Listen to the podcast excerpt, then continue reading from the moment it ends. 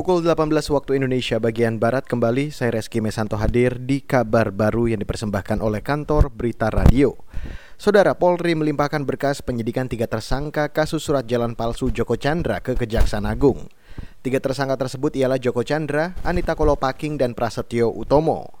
Jubir Mabes Polri Awi Setiono menyampaikan berkas perkara itu akan diserahkan ke Jaksa Penuntut Umum atau JPU hari ini. Untuk rekan-rekan ketahui bersama bahwasanya berkas perkara tersangka ADK eh, tebalnya sekitar 2025 lembar kemudian untuk berkas perkara tersangka JST setebal 1879 lembar Sebelumnya, Mabes Polri menetapkan tiga tersangka kasus surat jalan palsu dan pelarian Joko Chandra. Tiga orang tersebut ialah Joko Chandra, pengacara Joko Chandra yaitu Anita Kolopaking, dan bekas Karo Kowas PPNS Bareskrim Polri Prasetyo Utomo. Anita Kolopaking diduga melanggar pasal tentang pemalsuan surat dan membantu orang yang ditahan meloloskan diri.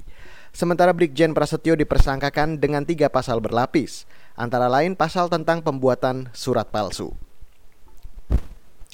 Kita ke Jawa Barat, Saudara. Pemerintah Provinsi Jawa Barat kembali memperpanjang pemberlakuan pembatasan sosial berskala besar atau PSBB secara proporsional di wilayah Bodebek.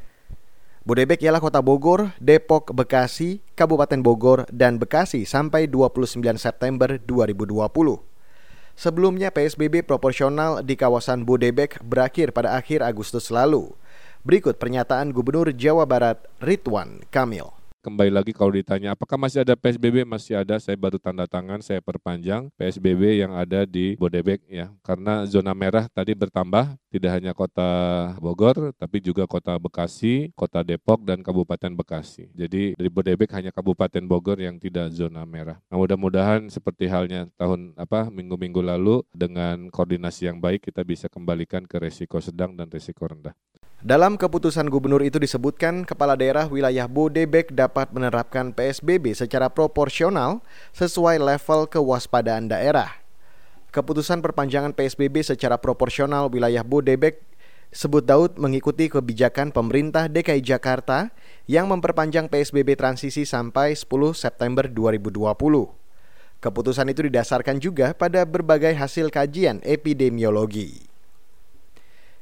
Kita ke Israel, saudara pemerintah Israel akan memperlakukan lockdown atau penguncian wilayah di sejumlah daerah di negaranya yang masuk kategori zona merah. Hal ini disebabkan kasus harian COVID-19 di Israel terus meningkat dan menyentuh angka 3.000 kasus baru per hari pada Kamis kemarin. Dikutip dari kantor berita Reuters, Kepala Satgas COVID-19 Israel Roni Gamzu mengatakan akan ada beberapa kota yang ditutup dan menjalani jam malam. Gamzu juga memerintahkan warga Israel untuk tidak mengadakan pertemuan yang membuat orang berkerumun dan meminta warganya untuk bersiap menghadapi kesulitan ekonomi dan sosial.